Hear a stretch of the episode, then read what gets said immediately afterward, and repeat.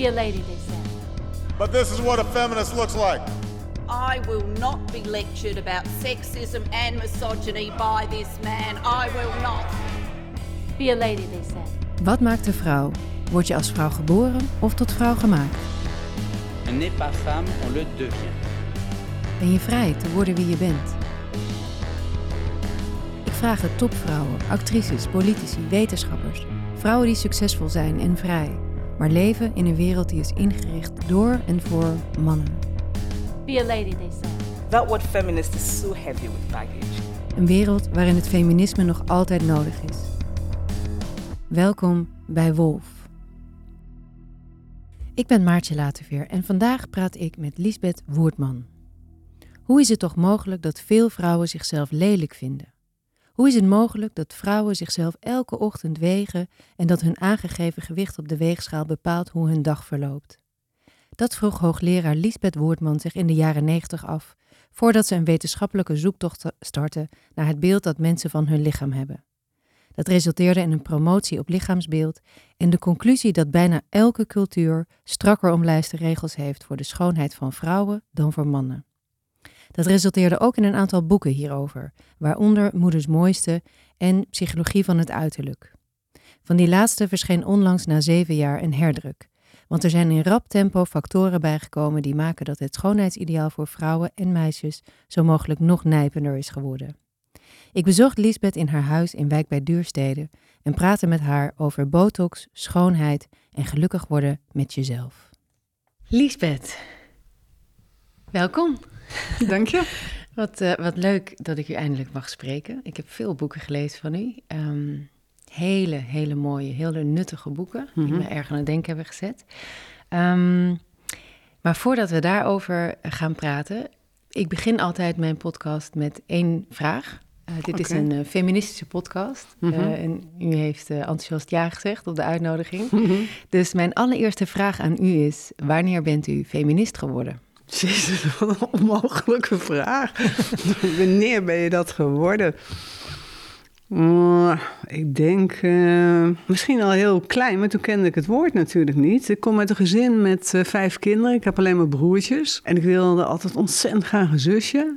want het was ontzettend duidelijk dat jongens wel een pluspunt waren. Hè? Ja. Dat, dat je als je een meisje was, voelde je toch dat dat minder interessant was, minder belangrijk. een beetje flauw voorbeeld, maar al mijn babykleertjes waren in blauw omdat er natuurlijk, ja, de eerste kind, ik ben de oudste. Het was wel tof geweest als ik een jongen was geweest. Oh. Dat ik daarna nog vier broers kreeg, dat konden zij ook niet weten. En mijn moeder zei het ook expliciet. Ik heb liever vijf jongens dan één meid. Meiden zijn zo lastig. Oh ja? Ja. Dus ja, ik had al wel snel dat, dat seksenverschil, dat zat me helemaal niet lekker.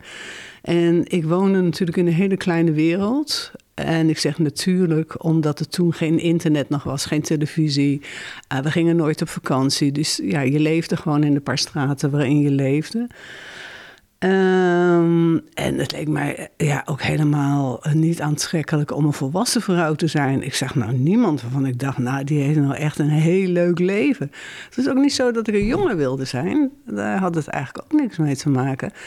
Maar ik had wel zoiets van, jemel, knemel, hoe kun je als meisje, als vrouw een beetje een leuk leven uh, organiseren. -hmm. En voor welke tijd hebben we het dan? Uh, ik ben geboren in 1954, even voor mm -hmm. duidelijkheid. Okay.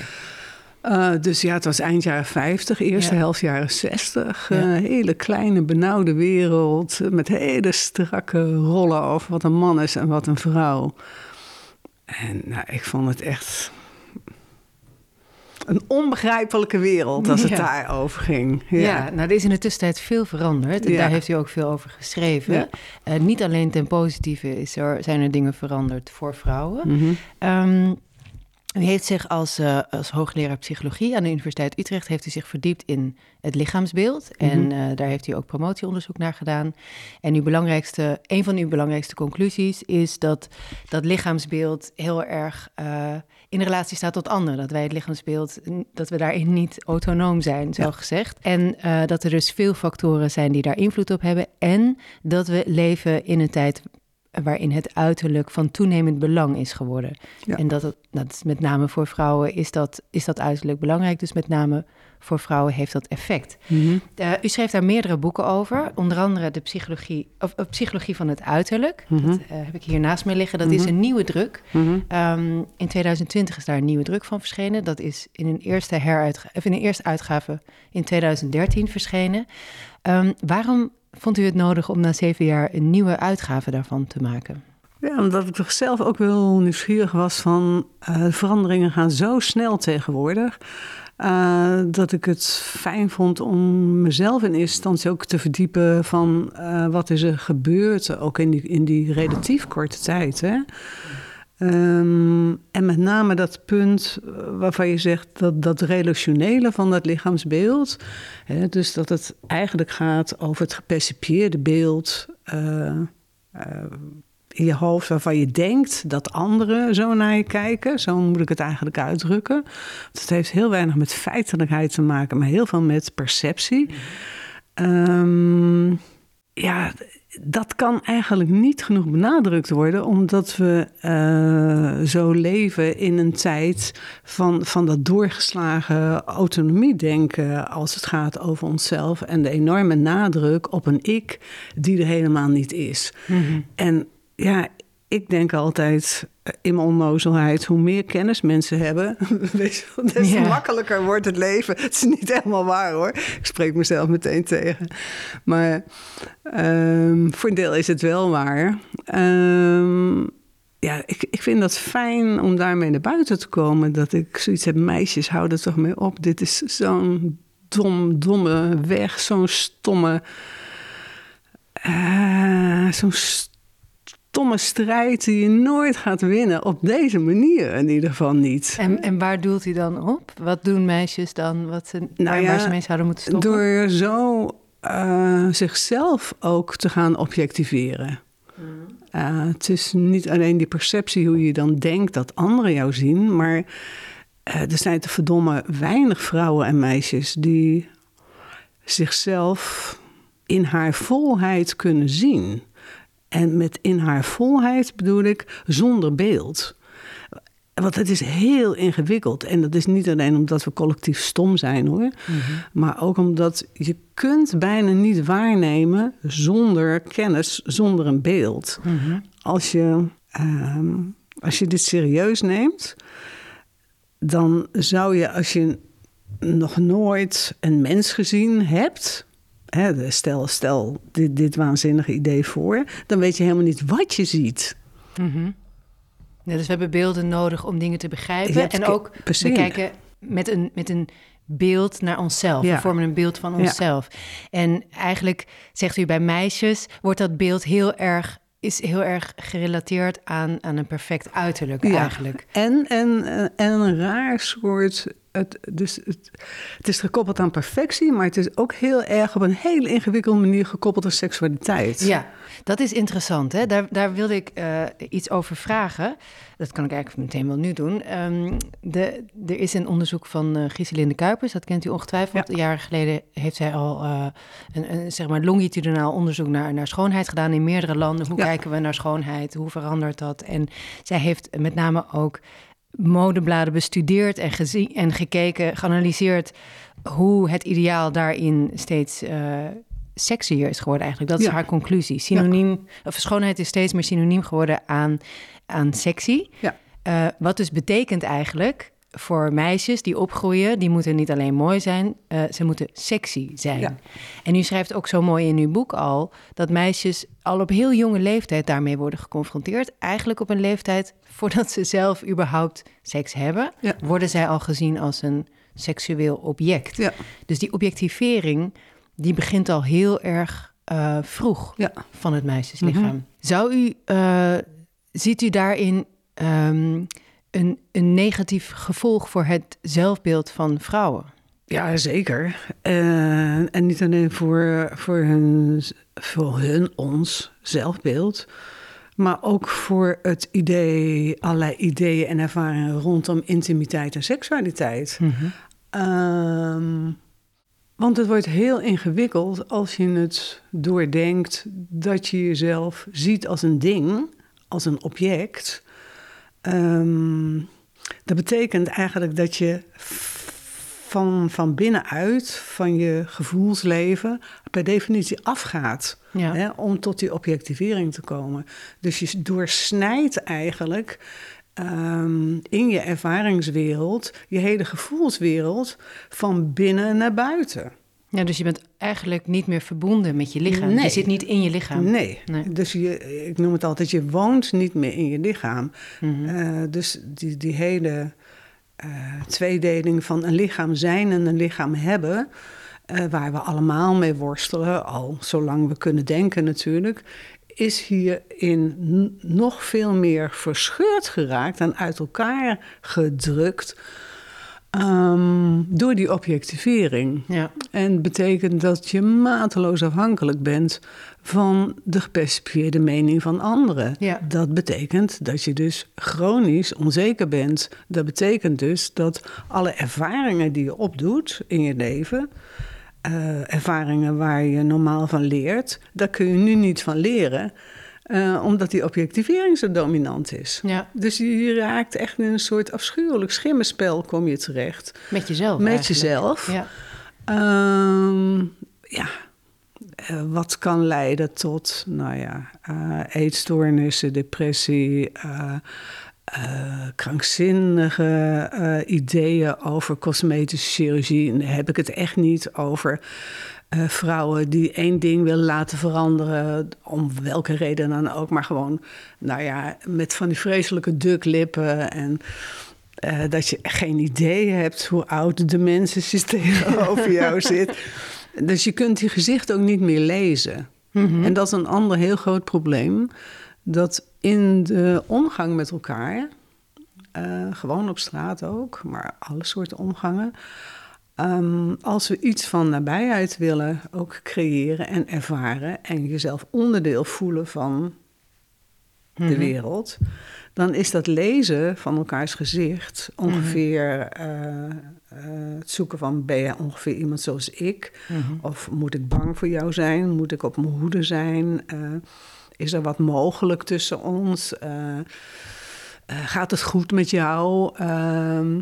Eh, dus al die dingen halen we niet zozeer uit woorden, maar uit het lezen van, van de gezichtsuitdrukkingen. Als ik jouw gezicht niet meer kan lezen, als ik niet meer weet. eh, Wat ik denk of voel. Ja, Ja. Zodat, zodat er geen resonantie tussen ons is, is ook geen wederkerigheid. Nee, voor mij is het veilig, want ik kan me Precies, helemaal ja. verschuilen achter een, eh, eh, mijn uiterlijk. En Ja. dat kan ik zo boetseren als ik wil. Dat is natuurlijk ook wat, wat vrouwen doen, hè? Ja, We boetseren ons enorm, zodat we ons veilig wanen. We veilig voor afwijzing. ja terwijl, en tegelijkertijd zijn we daar heel bang voor. maar je maakt jezelf eigenlijk juist heel onveilig. Waarom? Ik vind het altijd heel lastig om dit uit te leggen, maar... ehm, Omdat je afhankelijk maakt. ja, je maakt je totaal afhankelijk. Ja, Ja, want veel vrouwen denken ehm, dat ze met het uiterlijk ook een soort macht in handen Ja. hebben. Hè? ja. Maar dat is eigenlijk helemaal niet Nee, zo. dat is helemaal niet zo. Omdat ehm, dingen als zelfwaardering, ehm, zelfrespect, eh, ontwikkeling van jezelf... kan alleen maar weer ook in die dynamiek met die ander. Mhm. Het betekent ook eigenlijk dat je niet meer groeit. Je ontwikkelt je niet meer. Je, je versteent. Hè? Dus in die zin is zo'n masker, eh, dus helemaal zo'n platgespoten en opgespoten gezicht, is een soort masker geworden. eh, waarbij je jezelf ook helemaal verdwaald bent geraakt. en, maar je het dus ook niet meer kan ontwikkelen. Je Want wat bedoelt u? Eh, Je ontwikkelt je zelfrespect in relatie tot anderen ook? Nou, ik kan alleen maar ehm, op een gegeven moment in mijn leven als mens zelfwaardering ontwikkelen door hele domme dingen te doen. Door fouten te maken, door met heel veel verschillende mensen en situaties om te gaan en dan te ontdekken: hé, hey, hier gaat het heel makkelijk. Hé, hey, dit is ingewikkeld. Eh, hoe zou ik hier beter mee om kunnen gaan? Ja, echt pas door op je plaat te gaan, pas door fouten te maken. En dat je ervaart dat je er wel weer uitkomt. Kan soms even duren, eh, kan ook soms heel zeer doen. Eh, maar daardoor bouw je echt vertrouwen op. Ja. Dat kan alleen maar in relatie met het leven, met andere Met mensen. anderen, ja. Je benadrukt heel erg die sociale interactie, hè? Ja, want alleen op de bank kan je natuurlijk eh, jezelf oppermachtig uh, Ja, dan heb je ook denken, niks te verliezen. Nee, kijk, Ja. mij hier mooi en slim zitten wezen. Uh, maar dat schiet natuurlijk niet op. Is dat ook waarom, uh, waarom u zo benadrukt dat die sociale media... die we nu allemaal massaal gebruiken... dat die zo'n zo'n grote invloed hebben op ons zelfbeeld en ons zelfrespect? Omdat we daarin eigenlijk continu in interactie zijn met, met anderen... maar tegelijkertijd ook weer op een hele geperfectioneerde, gestileerde manier. Ja, um, ja er valt, heel veel over te zeggen. Mm -hmm. Ik zeg altijd, mensen van mijn generatie kunnen best op social media zitten. Uh, omdat die al een heel leven uh, daarvoor hebben geleid, waardoor je de verschillen kan zien. Mm -hmm. En dan kan het heel zinnig zijn. Ik vind het ontzettend leuk. Ik ben met heel veel oud-studenten ben ik ook verbonden. Ik vind het vreselijk leuk om te zien wie er weer een kind heeft. Of toch een heel ander beroep heeft gekozen. Of, nou ja, of dat het niet zo goed gaat. Uh, mm -hmm. dus ja, je zal mij daar persoonlijk niet zo over horen mopperen. Maar ik, maar ik, voel me ook op geen enkele manier onder druk staan. Ik hoef ook niet de hele dag te kijken of te doen. Uh, um, maar het wordt een probleem als je meer in de uh, beeldenwereld, nog meer in de beeldenwereld gaat leven, in plaats van in de zintuigelijke wereld. En daar ook mee bent opgegroeid. Want en u de, zegt dus, hè, de, de, vrouwen van uw generatie kunnen zich beter weren zeker. tegen al die beelden, ja. omdat ze uh, niet zijn opgegroeid ermee. Nee, en dat, het uiterlijke is voor vrouwen altijd wel belangrijk geweest als het gaat om, uh, om de waardering. Maar dat gold altijd maar voor die hele korte periode van de adolescentie en de vroege volwassenheid. Op het moment dat je nog geen verkering had, uh, dan was het heel interessant. Ja. En dan wist je echt heus wel wie het mooiste meisje van de klas was of de mooiste tante van de familie. maar het ging nooit alleen daarom. Zo, mm, dat is belangrijk. En, hè? en ja. het was maar ook een korte periode in je leven. Want als je onder de pannen was...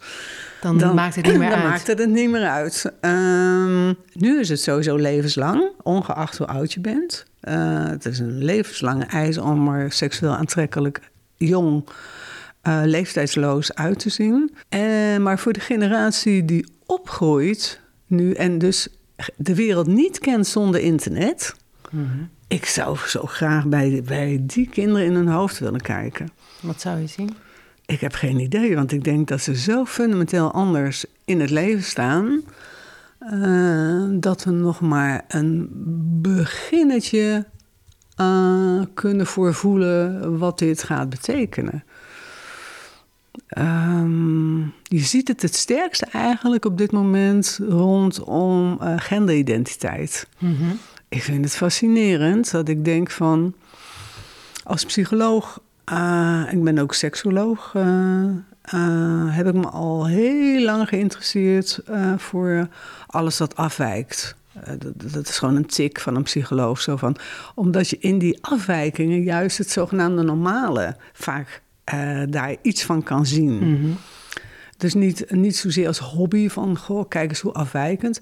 Dus ik ben al vanaf de jaren zeventig, uh, volg ik allerlei de onderzoeken die toen begonnen rondom uh, transgenders. Mm -hmm. uh, en het was fascinerend dat het altijd bijna drie keer zoveel biologische mannen waren dan biologische vrouwen die de wens te kennen gaven om te veranderen. Mm. En nu ineens, in een hele korte tijd, is daar een omslag plaats, vindt er een omslag plaats dat er meer biologische meisjes de wens uh, aangeven en uh, zeggen dat ze transgender zijn.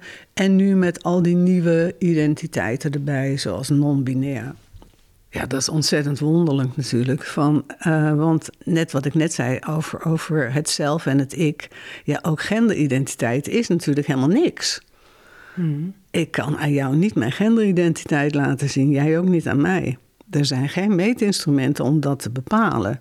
Mensen komen in transitie als ze gewoon zeggen dat dat zo is. Ja. Er is verder echt geen enkel ander meetinstrument. Het is niet meetbaar. Nee, het is niet meetbaar. Maar nu wordt er ineens gedaan alsof dat iets is.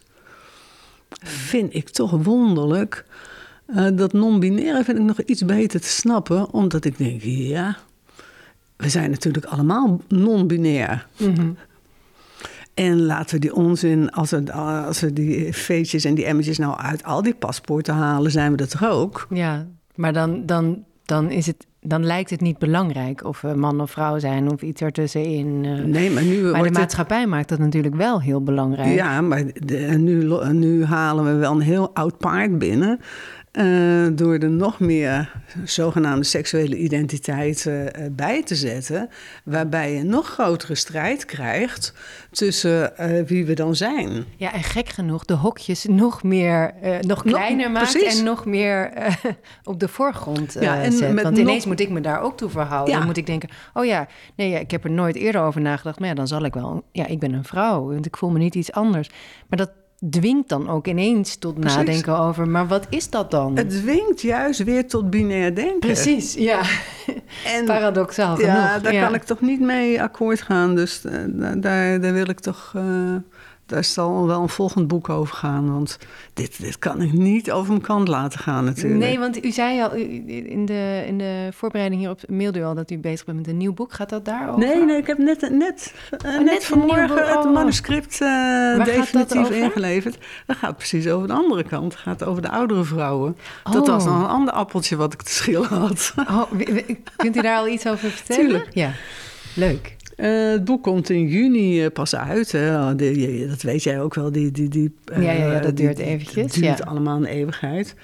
Eh, maar ik stoor me natuurlijk bovenmatig aan vrouwen van 40... die zich ineens al super oud vinden en afgeschreven en afge... denk ik, oh, doe niet, doe niet, doe niet. Ja. Ehm, dus ik wilde graag een boek schrijven om te laten zien eh, wat er leuk is aan ouder worden.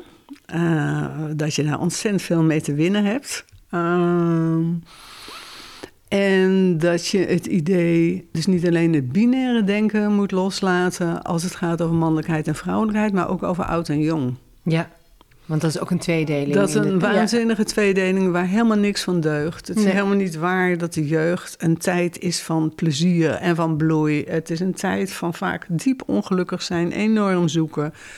Ehm, allerlei dingen verliezen hè, waarvan je dacht dat het zo was. Eh, dus het leven is helemaal geen lijn van eh, bloei, bloei, bloei, bloei, een stukje volwassenheid en dan de grote aftakeling. Je kan me nergens nijdiger mee maken Dan- door, door ja. dat zo te zien. Vanaf de dag dat we geboren zijn is sprake van aftakeling en verlies Ja. Ja. en van groei en bloei. Ja. En die dingen juist proberen in elke fase van je leven in een bepaalde verhouding voor elkaar te krijgen, is al ingewikkeld genoeg. ja. En wat zou je zeggen, wat is er te winnen bij ouder worden als vrouw? Nou, eh, met name op het gebied van innerlijke rust en, eh, en zelfwaardering. Ja. Zo van. ehm, je, je weet wat je waard bent. Je weet wat je kan. Eh, eh, ophouden om je licht onder de korenmaat eh, te, te, te laten schijnen. En verdomme, al die kennis, dus die samenleving in. Hou op met eh, wanneer kan ik ophouden met werken en eh, wanneer kan ik op mijn luie reet gaan zitten. Nee, je moet veel eerder op je luie reet gaan zitten en niet zo heel hard werken. Want dan hou je het eh, vol tot aan de dag van je dood. Ook dat is zo raar, dat hele idee over werken. Hè, zoals voor jullie in die periode dat je al kleine kinderen hebt. Ja. Hou toch op. Niet- Doe het een beetje zo naast elkaar en achter elkaar. Nou ja, we leven natuurlijk in een ontzettende prestatiemaatschappij. Dat, Vreselijk. dat, dat uit zich in uiterlijk. Vreselijk. Eh, maar ja. dat uit zich ook voor vrouwen in dat ze een perfecte moeder moeten zijn en een perfecte carrière moeten hebben. Ja. En, en dat allemaal, dat kost natuurlijk extreem veel tijd en energie. Er zijn veel vrouwen met, met eh, burn-out verschijnselen of zitten er tegenaan. Ja. Ehm, maar het, het voelt als heel moeilijk, kan ik zeggen, als, als vrouw van 45, die in, zich inderdaad vrij oud voelt al. Ik probeer dat niet erg te vinden, maar de, het voelt als oud. Maar ik loop ook hier tegenaan. Het voelt alsof ik al die dingen even belangrijk moet vinden Ja. en even perfect moet uitvoeren. Ik kan, Ja. er niet, kan niet iets van mijn bordje af laten vallen. Ja, zou ik toch wel doen. Ja, nou, wat zou, Zou je ik dan... zo snel mogelijk doen. Ja. Het, het, het is werkelijk gods onmogelijk. ja, en dan zou ik het liefste zelf uiterlijk van mijn bordje willen Ja, eh, halen. Ehm, want ik voel zelf als vrouw dat dat echt mij chronisch onzeker maakt. Inderdaad, zoals je net al noemde. Uh, ik moet er heel veel tijd en energie in stoppen om uh, er mooi uit te zien. Of mooier, nog mooier, nog perfecter. Ik moet me druk maken over rimpels in mijn gezicht. Ik moet me druk maken om een uitzakkend lichaam. Daar moet ik voor sporten. Ik moet uh, mijn geld, wat ik dus verdien met al dat harde werken. Gaat niet direct dan naar de kapper, naar uh, de sportschool, naar de, naar de klerenwinkel. Ik heb echt een shopverslaving van kleren. Um, en dat voelt als iets wat ik altijd in stand moet houden. Ik ben niet anders gewend. Het voelt alsof ik, als ik dat. Ik heb het laatst aan mijn vriend proberen uit te leggen. Als ik dat niet meer doe, dan voelt het alsof het kaartenhuis instort. Mm -hmm. Herkent u dat? Nee. Nee. nee. maar begrijpt u het? Als psycholoog die zich heeft verdiept in de psychologie van het uiterlijk? Ik vind het toch eigenlijk moeilijk echt te snappen. Kijk, als ik in de spiegel kijk, uh, dan kan ik ook zo opnoemen van als ik God was, wat ik anders had geknutseld bij mezelf. Vanaf heel jong kind. Uh, maar ik heb er nooit aan geleden. Mm -hmm omdat ik tegelijkertijd de ervaring op heb gedaan in mijn leven dat de meeste mensen me ontzettend leuk vinden. En um, ik heb nooit uh, gebrek aan aandacht uh, gehad. Uh, misschien als dat zo was gegaan in mijn leven, uh, dat ik het dan ook belangrijker zou vinden. Maar ik leerde toch al vrij snel. Dat was nog in de tijd dat mannen gewoon floten. Ja. dat soort dingen deed. Dat ik echt dacht, ja, de eerste keer dat je inderdaad achterom kijkt en dat je denkt, nou wie fluiten ze? Ik vond mezelf helemaal niet zo uh, bijzonder. Maar goed. Uh, dus ik, ik zag al heel snel ook wel dat verschil van, van dat het een soort spel was. Mm-hmm. Uh, wat ik ook helemaal niet vervelend vond. Maar op een of andere manier niet wat jullie generatie heeft. Hè? Even maar gechargeerd zo de, de veertigers. Uh, dat het echt zo belangrijk was. Maar ik denk dat dat te maken heeft met het mensbeeld. Mm-hmm. Ik ben opgegroeid in, net na de oorlog. In relatieve armoede. Uh, in een hele onzekere, donkere wereld. Mm-hmm. Um, die het helemaal nooit over perfectie had. Nooit. Op geen enkel vlak. Dat bestond toen eigenlijk. Dat bestond, niet. ja, misschien voor, voor, voor de, de, de upper class, dat weet ik natuurlijk niet. Mm. Uh, maar voor de min of meer gewone mensen was dat helemaal niet zo. Nee. Um, het ging er eigenlijk meer om dat je een beetje een goed mens was. Om maar eens een akelig uh, woord te gebruiken. Dat, dat, ik, ik wil eigenlijk liever goed zijn dan mooi. Ja. mooi. Ik dacht er gewoon niet over na. Terwijl schoonheid wel altijd voor vrouwen belangrijk altijd, is geweest. Altijd. Hè? En ik kan me ook nog herinneren toen ik... Uh, ik was laat, ik menstrueerde heel laat. Ik had bijna geen borsten. Dus het was ook niet zo van dat ik, dat ik eruit zag als uh, uh, Marilyn Monroe... wat het ideaalbeeld in mijn tijd was. Ik kon ademloos naar een vriendinnetje zitten kijken. Weet je, om het kaarslicht. En dat we dan onze eerste mascara en koolpotloden hadden. En ik vond haar echt beeldschoon. Echt. En dan als ze dat dan... Dat kon ze dan ook meteen zo goed. Ik niet natuurlijk. Hè. In mij waren allemaal klodden te vegen. Uh, dus ik, kon de, daar heel erg in bewonderen. En ik vond het jammer dat ik niet vooraan had gestaan bij het uitdelen. Maar dat was het dan ook. Ja. Maar Cosmetische chirurgie bestond bestond natuurlijk, natuurlijk niet. ook nog niet. Nee, precies. Dus, ik... dus ik kon er ook niet... Het was niet dat ik nou zo, zo bij de hand was, maar het ik ben echt ook een kind van mijn eigen tijd. Hè? Ja. En dat is dus echt heel belangrijk bij de ontwikkeling ook van je, je zelfbeeld. Precies, dat is zo ja. belangrijk. De tijd waarin je leeft in het nieuwe boek. Ja. Uh, laat ik het zien aan de hand van zes generaties. We leven nu in zes generaties. Mm-hmm. Die echt hele andere ideeën hebben en hebben gehad over wat het betekent om vrouw te zijn. En als je kijkt naar uh, de generatie. Uh, uh, mijn generatie, die in ja. de jaren zeventig is geboren. Ja. Wat was er toen belangrijk voor vrouwen? Ja, dat was eigenlijk uh, waarin dat, uh, dat hedonisme en die, die rupsje nooit genoeg idee ontstond, heel ja. erg ontstond. Als ja. ik het even kort samen mag vatten.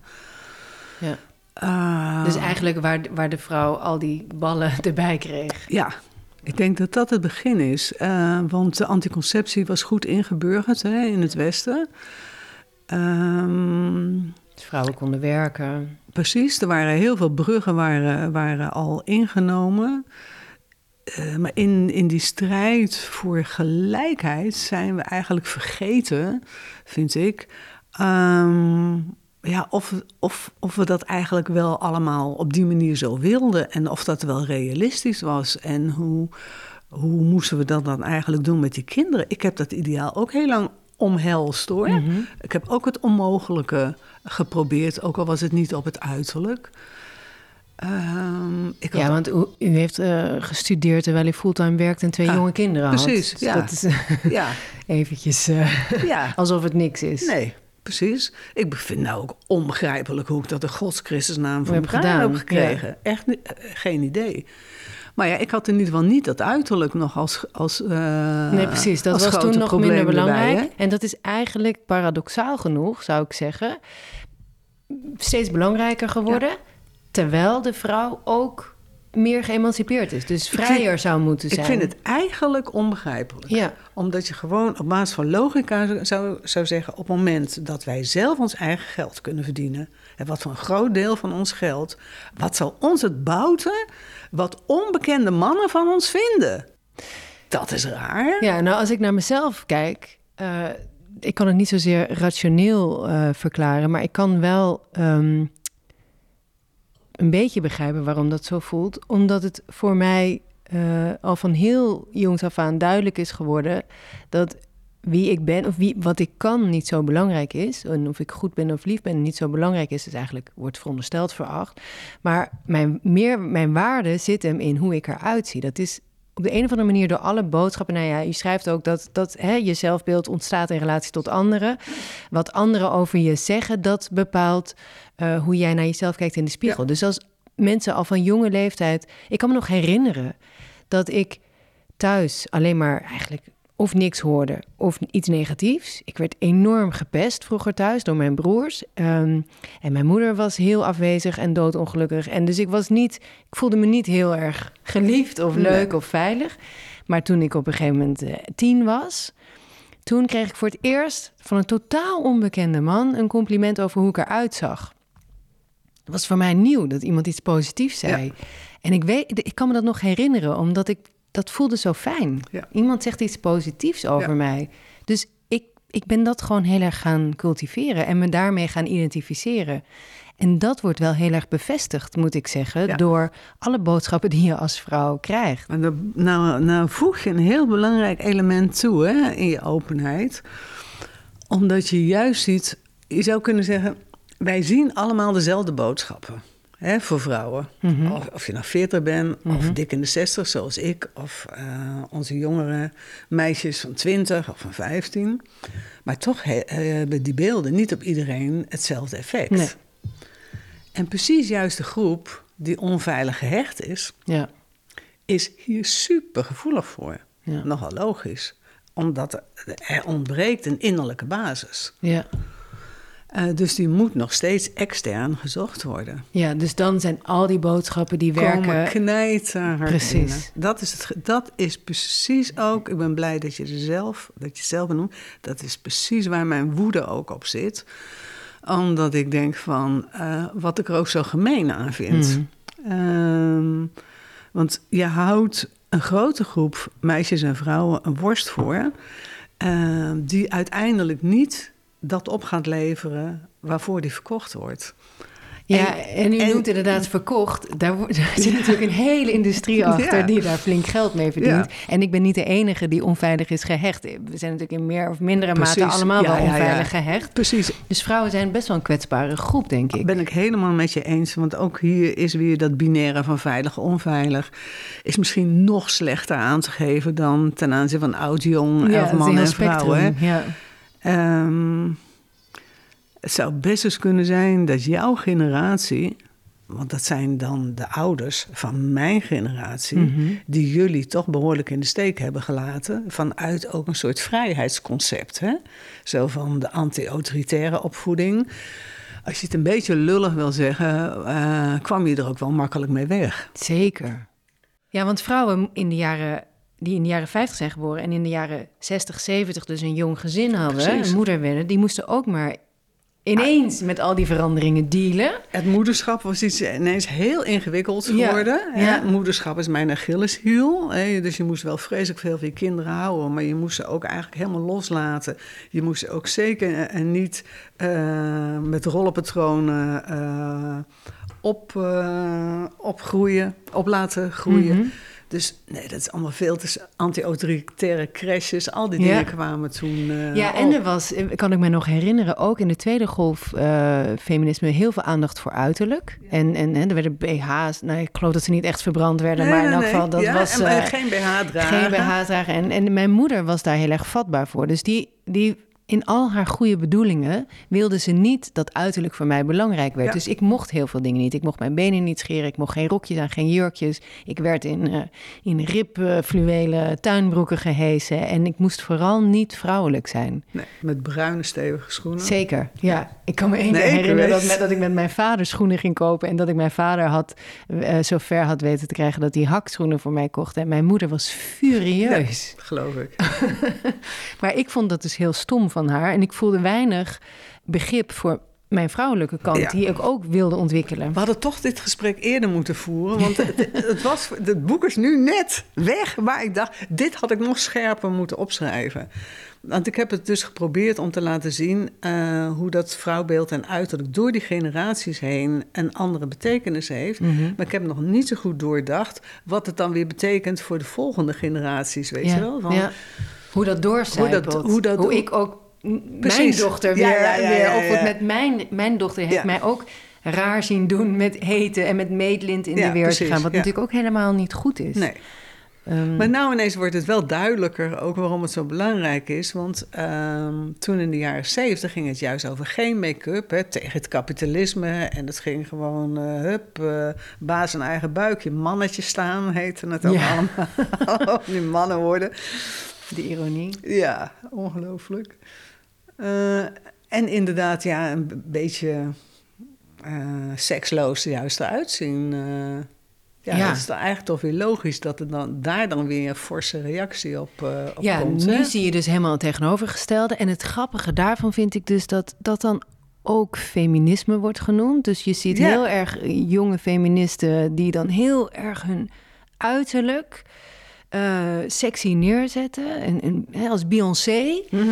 En, en heel erg eh, het feminisme eh, claimen en Ja. omarmen. En, en, en dat ook aan elkaar verbinden. Zo van, ja, ik, ik doe dit voor mijzelf. Ja. En dat is vrijheid. Ja. Ik heb altijd het gevoel dat daar iets niet aan klopt. Wat- Het klopt ook Wat- natuurlijk niet. Je, je Nee, doet wat- het zeker niet eh, voor jezelf. nee. Maar Ik is dit feministisch voor u? Oh, dat vind ik echt lastig. Ja. Ik vind het echt lastig. Het, het- ik vind feminisme zo ingewikkeld geworden. Ja. Het was zo eenvoudig eigenlijk. ja, het had gewoon met regels te maken vroeger, de wetten. die, ja, eh, en dan, dat ja. was duidelijk. Eh, nu denk ik, jee, we zouden wel weer eens... eh, aan de ene kant zie je die feminisering in de zorg, in het onderwijs en noem maar op. Aan de andere kant vind ik het weer helemaal niet. Omdat ik denk dat alle zachte krachten nog steeds als minderwaardig worden gezien. Of het nou eh, eh, voor mannen of voor vrouwen is. Dus als je iets niet aan kan, als je ergens verdrietig van wordt... eh, als je meer kijkt naar het wij in plaats van naar het ik. Als je je meer verbonden voelt met andere levende wezens. ehm, alle dingen waarvan je toch zegt dat die vrouwelijk zijn. Het stromende, het niet-binaire juist. Ja, voor mij mag dat juist wel weer meer in de samenleving. Ja, niet alleen in de samenleving zou ik zeggen, ook in En de economie ja, en in ja, het over- bedrijfsleven, overal. overal. Ja. Overal. En nu gaat het natuurlijk om van eh, oh, hoeveel vrouwen zitten er in de raad van bestuur. Ja, daar word ik nou eigenlijk niet warm of niet koud van. Nee, ik ook niet. Als die posities zo blijven, dan maakt het helemaal niks uit of nee, het mannen of vrouwen zijn. Nee, nee eh, wat ik zo interessant vind nu aan het feminisme, het gaat heel erg over keuzevrijheid. Dat is wat, wat, wat jonge Ja. feministen vaak ook zeggen. Ja, Ja. Ik, ik wil de keuzes hebben om mijn leven in te delen zoals ik dat wil. En ik heb altijd het gevoel dat dat maar ten dele zo is, omdat nou ja, ik, ik, ik, ik dicht dat uiterlijk misschien te grote invloed toe. Maar omdat voor vrouwen dat uiterlijk zo belangrijk is, eh, is er een bepaalde mate van onvrijheid. Ja, zouden we niet veel beter ook voor die jonge vrouwen ons bezig kunnen houden met in wat voor samenleving wil je leven? Ja, Ik denk als we het juist, want juist al die dingen weer vanuit jezelf zogenaamd, terwijl ze niet uit jezelf zijn, maar komen door de structuren, maar dat wil je niet zien, want jij bent vrij en jij laat je niet eh, decimeren door structuren, hè? want dat, dat is dan de, ingewikkeldheid. Eh, dan, dan hou je die. Want heel veel mensen kijken geen journaal meer. En nou, ik ben daar echt stom verbaasd over. Ehm, dat ik denk, nou lieve schat, je begrijpt helemaal niet hoe je juist beïnvloed wordt. Je, je bent enorm onvrij, omdat je niet ziet waar je beperkt wordt. Ja. Je bent al geboren in een wereld die er al was. Die al lang betekenis gaf voordat jij er was. Dus jij gaat niet individueel kunnen bepalen wat vrouw zijn betekent. Ja, behalve als je er verder op de bank blijft zitten. Dan misschien dat het dan wat wordt. Maar ja maar dat inderdaad... dat- volgens mij moet het weer omgedraaid worden. We zijn doorgeslagen op het psychologische en het individuele. En daar, daar lossen we dus niet op met elkaar. Nee. Ik denk dat we weer het lef moeten hebben om ons terug te bewegen in die samenleving. En na moeten blijven denken, iedereen op haar eigen stukje en op haar eigen vakgebied. Uh, waar durf ik en kan ik verantwoordelijkheid nemen en invloed uitoefenen om het zo voor elkaar te krijgen dat het voor meer mensen rechtvaardiger is. Dat die verschillen tussen mannen en vrouwen niet zo aangezet worden. Dat dat uiterlijk minder belangrijk wordt. Ik denk dat dat de weg weer moet worden. Maar wat zijn dan de krachten waartegen we vechten? Stel, we, we zeggen dit. We concluderen dit wel met z'n allen. We willen niet dat dit uiterlijk zo belangrijk wordt. Giseline Kuiper schreef in De Groene ook een stuk over... hoe dat een nieuwe ongelijkheid in de Ja, samenleving ja. eh, teweeg brengt. Ja. Alsof we nog niet ongelijkheden genoeg hebben, komt uiterlijk er ook nog bij. Stel nou, we concluderen dat dat niet goed is en dat we dat niet willen. Waar moeten we dan tegen vechten? Eigenlijk moeten we niet vechten, maar weer trouwer worden aan wat we, het klinkt paradoxaal, trouwer worden aan wat we echt vo- voelen en vinden. Ik denk echt dat bijna alle vrouwen en meisjes dit een ongewenste weg vinden. Omdat iedereen waar zij ook staat, ook al sta je boven aan de top, maar dan weet je dat je morgen er weer afvalt. Of je staat onderop, maakt niet uit. Maar weer het lef hebben om. eh, maar ja, da- daar moet je wel iets van, van, van, van zelfwaarde voor hebben. Voor, voor, dus ik vind dat ontzettend lastig om te zeggen waar dan te beginnen. Ja, en daarom noemt het denk woord ik, lef. ik moet, ik moet het gewoon. eh, daarom voel ik mij zo geroepen, omdat ik denk, ja, ik, eh, op deze leeftijd, als, als ik het nou niet doe, weet je wel, dan eh, wie dan nog wel? En dan niet om die meisjes de grond in te trappen, helemaal niet. Maar juist om hen te helpen om te laten Om zien van... eh, lieve schat, dit, dit is echt geen goede strategie. Ja, En je bent al zo prachtig. ja. Je zult over, over vijf jaar naar foto's van jezelf kijken. Ja. Voor iedereen geldt dat. Ja. Dat je denkt van... ja. Dat ik er toen niet super blij mee was. Ja. Ja, je noemde net al het woord lef. Ik denk dat dat wel een heel belangrijk woord is. Ja. Want ehm, een voorbeeld, ik sprak gisteren met een prachtige jonge vrouw van 28, die heel, in mijn ogen heel erg mooi is en succesvol en, en eh, helemaal, eh, ja, gewoon zelfverzekerd lijkt. Maar we gingen heel eventjes zitten en toch iets, ik ging toch iets doorvragen en toen bleek zij al heel lang eh, te dubben over of ze aan de botox zou ja, gaan. ja. En, en zelfs nog meer dan dat ze wilde een facelift. Want ze vond haar kaak eh Niet strak genoeg, ja, niet ja. strak genoeg. Dus dat vrij forse ingreep lijkt me. En ze wilde ook iets Russisch met haar lippen. Ik ben vergeten dat op te zoeken wat dat precies is. Maar het was iets opvullends en iets Russisch. En, ehm, ik, en ik probeerde met haar te praten daarover. Ik probeerde haar te, te laten nadenken over waarom ze dat eigenlijk echt zou willen.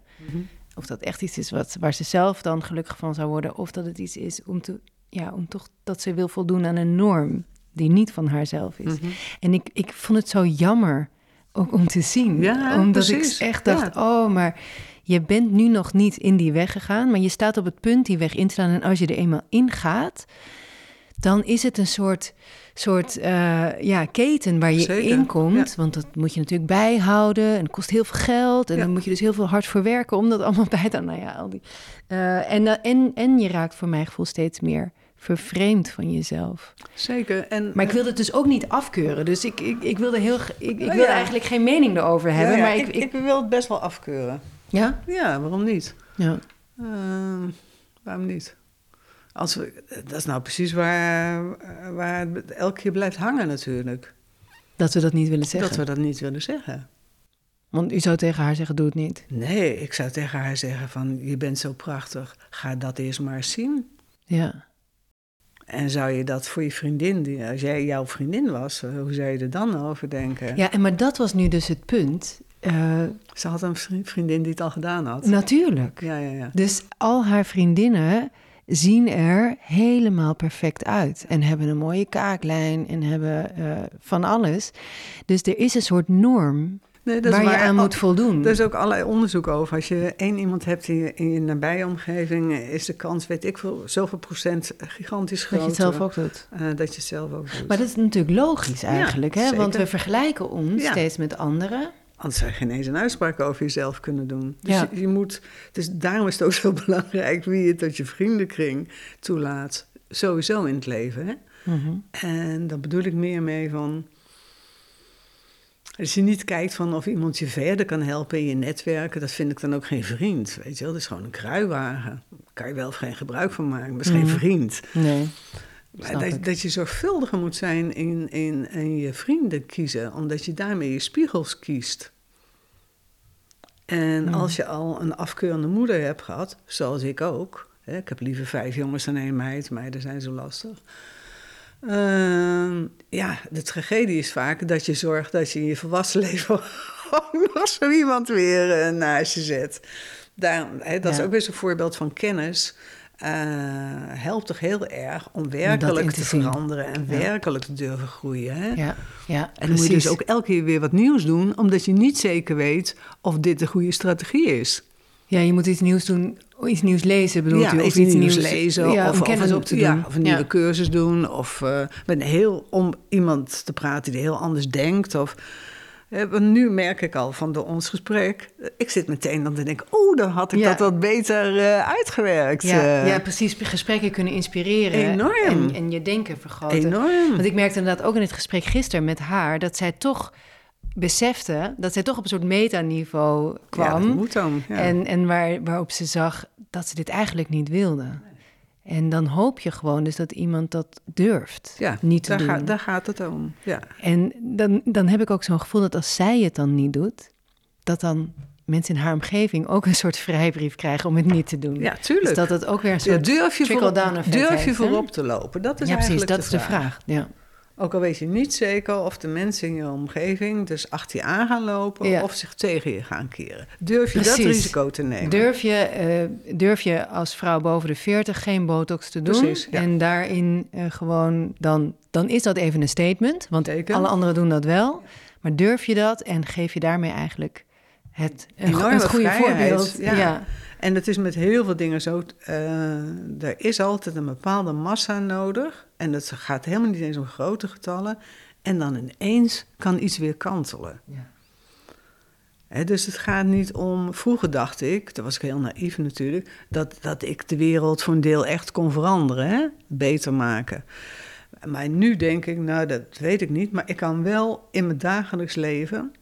Ik ben bijvoorbeeld op, om op een gegeven moment, om een voorbeeld te geven, iedereen gedag gaan zeggen die ik tegenkwam. Dus als ik in de bus, eh, eh, de buschauffeur, goedemorgen, eh, meisje, een jongen naast me, oude man, zwart-wit, interesseert me allemaal niks. Ik knik iedereen gedag. En dat werkt echt ontzettend prettig. Het is sowieso voor mezelf heel veel fijner. Hè? Zo van, ik kan niet met een zagrijnige rotkop zo door de stad lopen. maar gewoon, en vaak ook nog een klein praatje.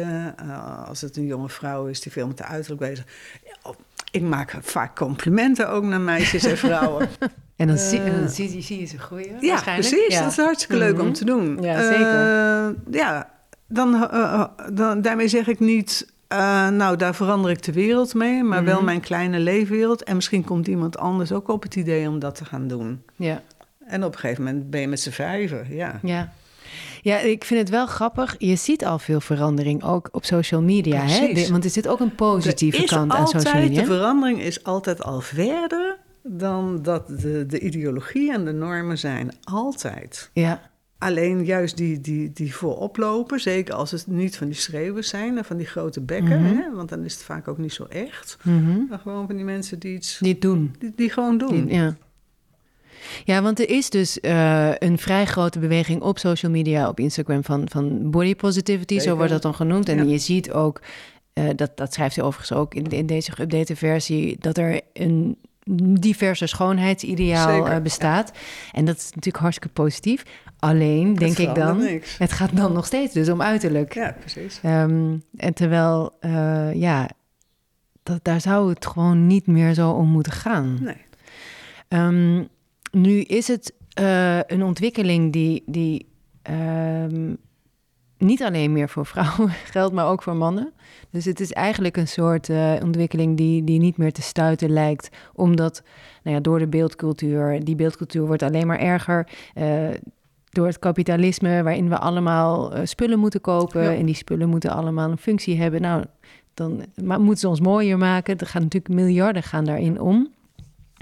Dus ehm, hoe optimistisch bent u eigenlijk dat dat, dat, dat, dat, dat gaat veranderen? Ik ben toch geneigd om te zeggen dat ik behoorlijk optimistisch ben. Ja? Ja.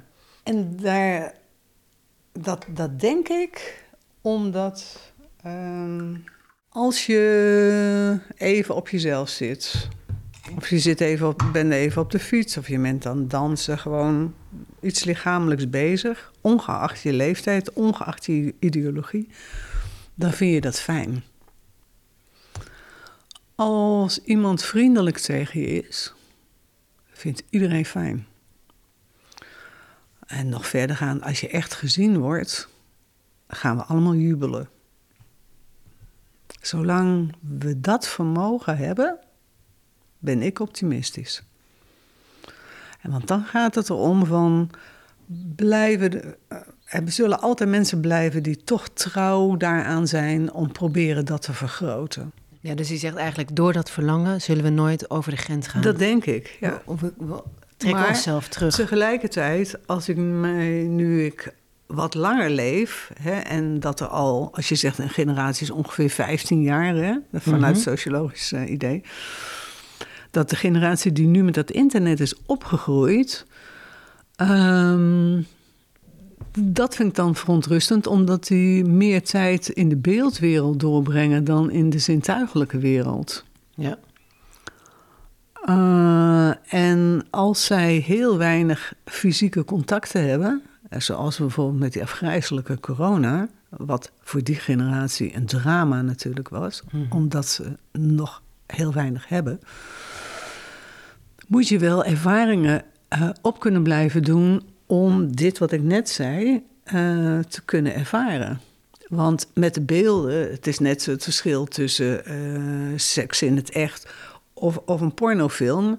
Eh, met, met, de, met pornobeelden gaat het heel snel. Het hele fysiologische syst- systeem slaat aan. En binnen, nou ja, no time ja. heb je een orgasme. In de werkelijkheid is dat natuurlijk niet zo. Gaat dat veel trager. Maar de, de, de echte eh, voldoening, Ja. dus meer dan alleen de fysieke ontlading, kun je alleen maar meemaken als je op een andere manier vrijt. Maar dan moet je wel die ervaring op, op gaan doen en op durven doen. En net als het verschil tussen een echt gesprek eh, met iemand waarin je probeert om dat je allebei gaat bloeien in plaats van dat je elkaar beconcurreert of dat je, nou ja, Dat je met jezelf bezig bent. Precies.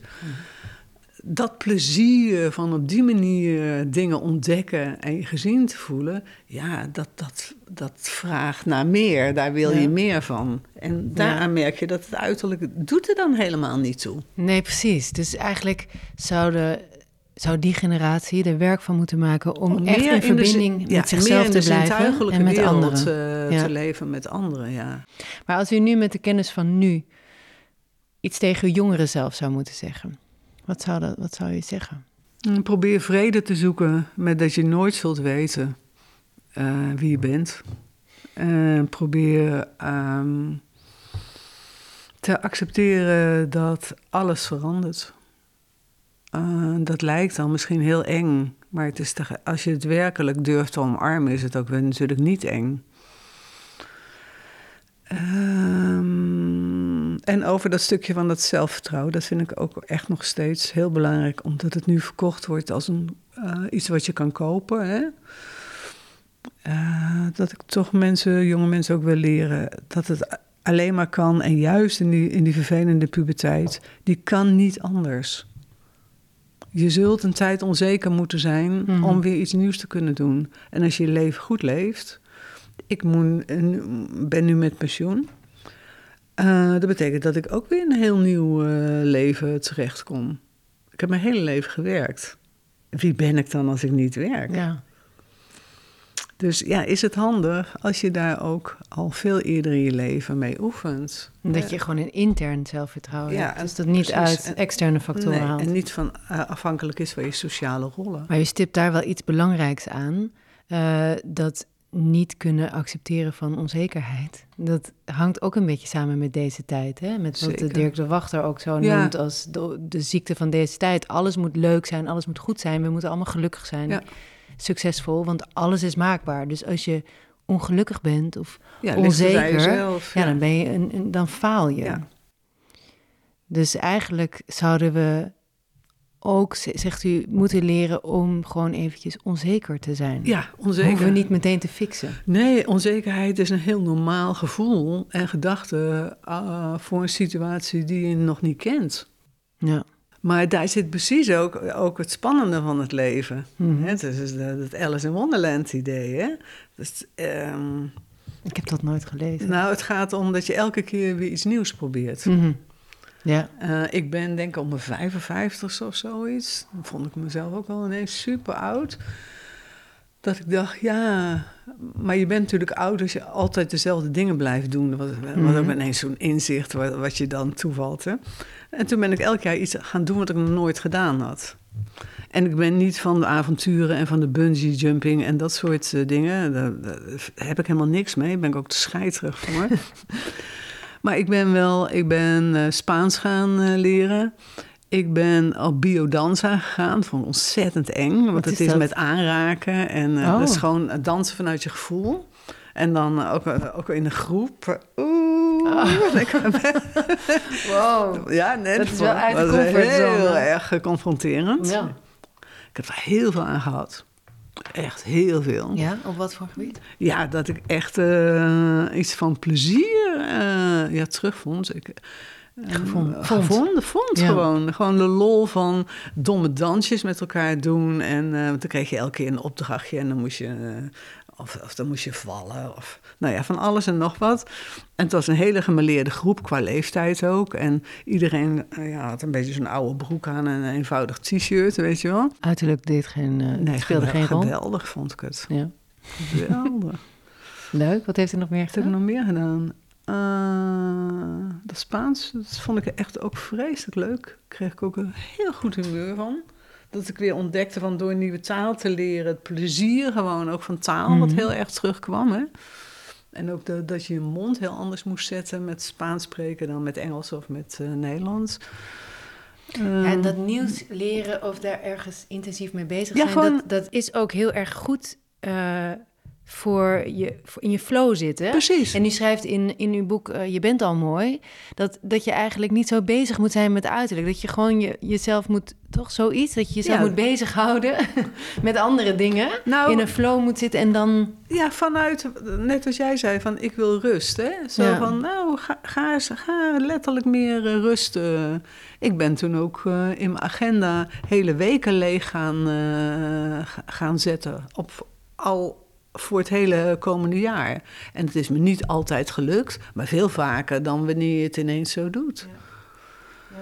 En jezelf dwingen dan. Wat wil je dan doen met die rust? Eh, Ja. Ehm, wij moeten bijna een beetje afronden. doen we? ik vind het ontzettend interessant om met u te praten. Ik zou nog heel lang kunnen praten.